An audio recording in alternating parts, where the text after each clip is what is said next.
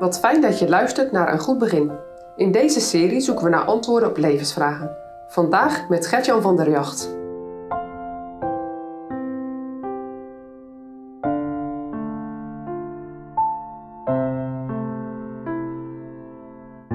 We denken vandaag na over Gods leiding. Mijn wens of Gods wil. We lezen eerst een paar stukjes uit nummer 14. En om de context een klein beetje te begrijpen, het gaat daar over het volk Israël wat is aangekomen bij het beloofde land. Ze staan klaar om het land in te trekken. Maar de verspieders zijn net teruggekomen en ze hebben hun verslag uitgebracht. Ik begin bij vers 1. Toen verhief zich de gehele vergadering en ze hieven hun stem op en het volk weende in diezelfde nacht. En al de kinderen van Israël murmureerden tegen Mozes en tegen Aaron. En de gehele vergadering zei tot hen, Och, of wij in Egypte-land gestorven waren, of, och, of wij in de woestijn gestorven waren.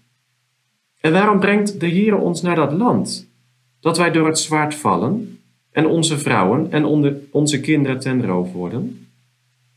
Zou het ons niet goed zijn naar Egypte weder te keren? We gaan verder bij vers 11. En de Heere zei tot Mozes, Hoe lang zal mij dit volk tuigen? En hoe lang zullen zij aan mij niet geloven door alle tekenen die ik in het midden van hen gedaan heb? En vervolgens, vers 23 tot en met 25. Ja, geen van die mij getuigd hebben zullen dat zien. Doch mijn knecht Caleb, omdat een andere geest met hem geweest is en hij volhard heeft mij na te volgen, zo zal ik hem brengen tot het land in het welk hij gekomen was, en zijn zaad zal het erfelijk bezitten. De Amalekieten nu en de Kanaanieten wonen in het dal.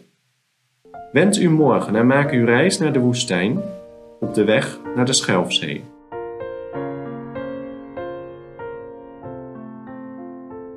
Stel de situatie even voor.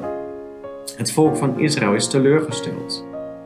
Na een reis door de woestijn zijn ze er bijna eindelijk zicht op een vaste woonplaats. En dan, ja, dan vertellen de verspieders dat het land niet in te nemen is. Het vertrouwen in God ontbreekt. En God straft het volk. Het eindigt hier in de concrete opdracht: ga terug de woestijn in, waar jullie net vandaan komen. En iedereen boven de twintig jaar zal Canaan nooit binnengaan. Herken je de teleurstelling er is een slagboom in je leven gekomen. Je bent niet toegelaten tot je studie. De school waar je heen wilde lijkt toch niet door te kunnen gaan. Je sollicitatie loopt anders dan gehoopt. Of je bent ziek geworden. En nu?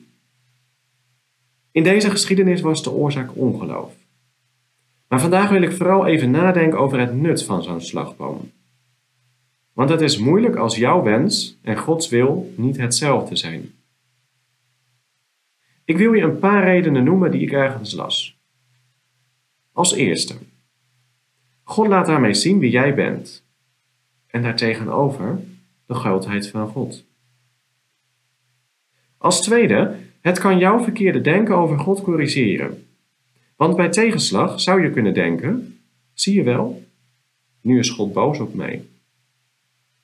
Terwijl God juist daarmee wil leren, wil corrigeren.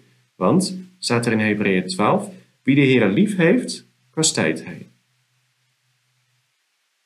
Als derde reden, om vrucht te krijgen. Eigenlijk zoals een tuinman, die voor het gezicht veel te enthousiast gesnoeid heeft. Maar het is juist goed. Want het jaar erna zijn er meer vruchten en dan krijgt de tuinman daar de eer van. Wil jij graag de wil van God doen? Soms brengt Hij je op moeilijke plekken of moeilijke situaties. Bedenk dat de Heer Jezus dit zelf ook heeft doorgemaakt. De wil van zijn vader bracht hem zelfs in Gethsemane. Toch deed hij dit toegewijd. Span je in om Gods wil te doen en denk daarbij aan de Heer Jezus zelf.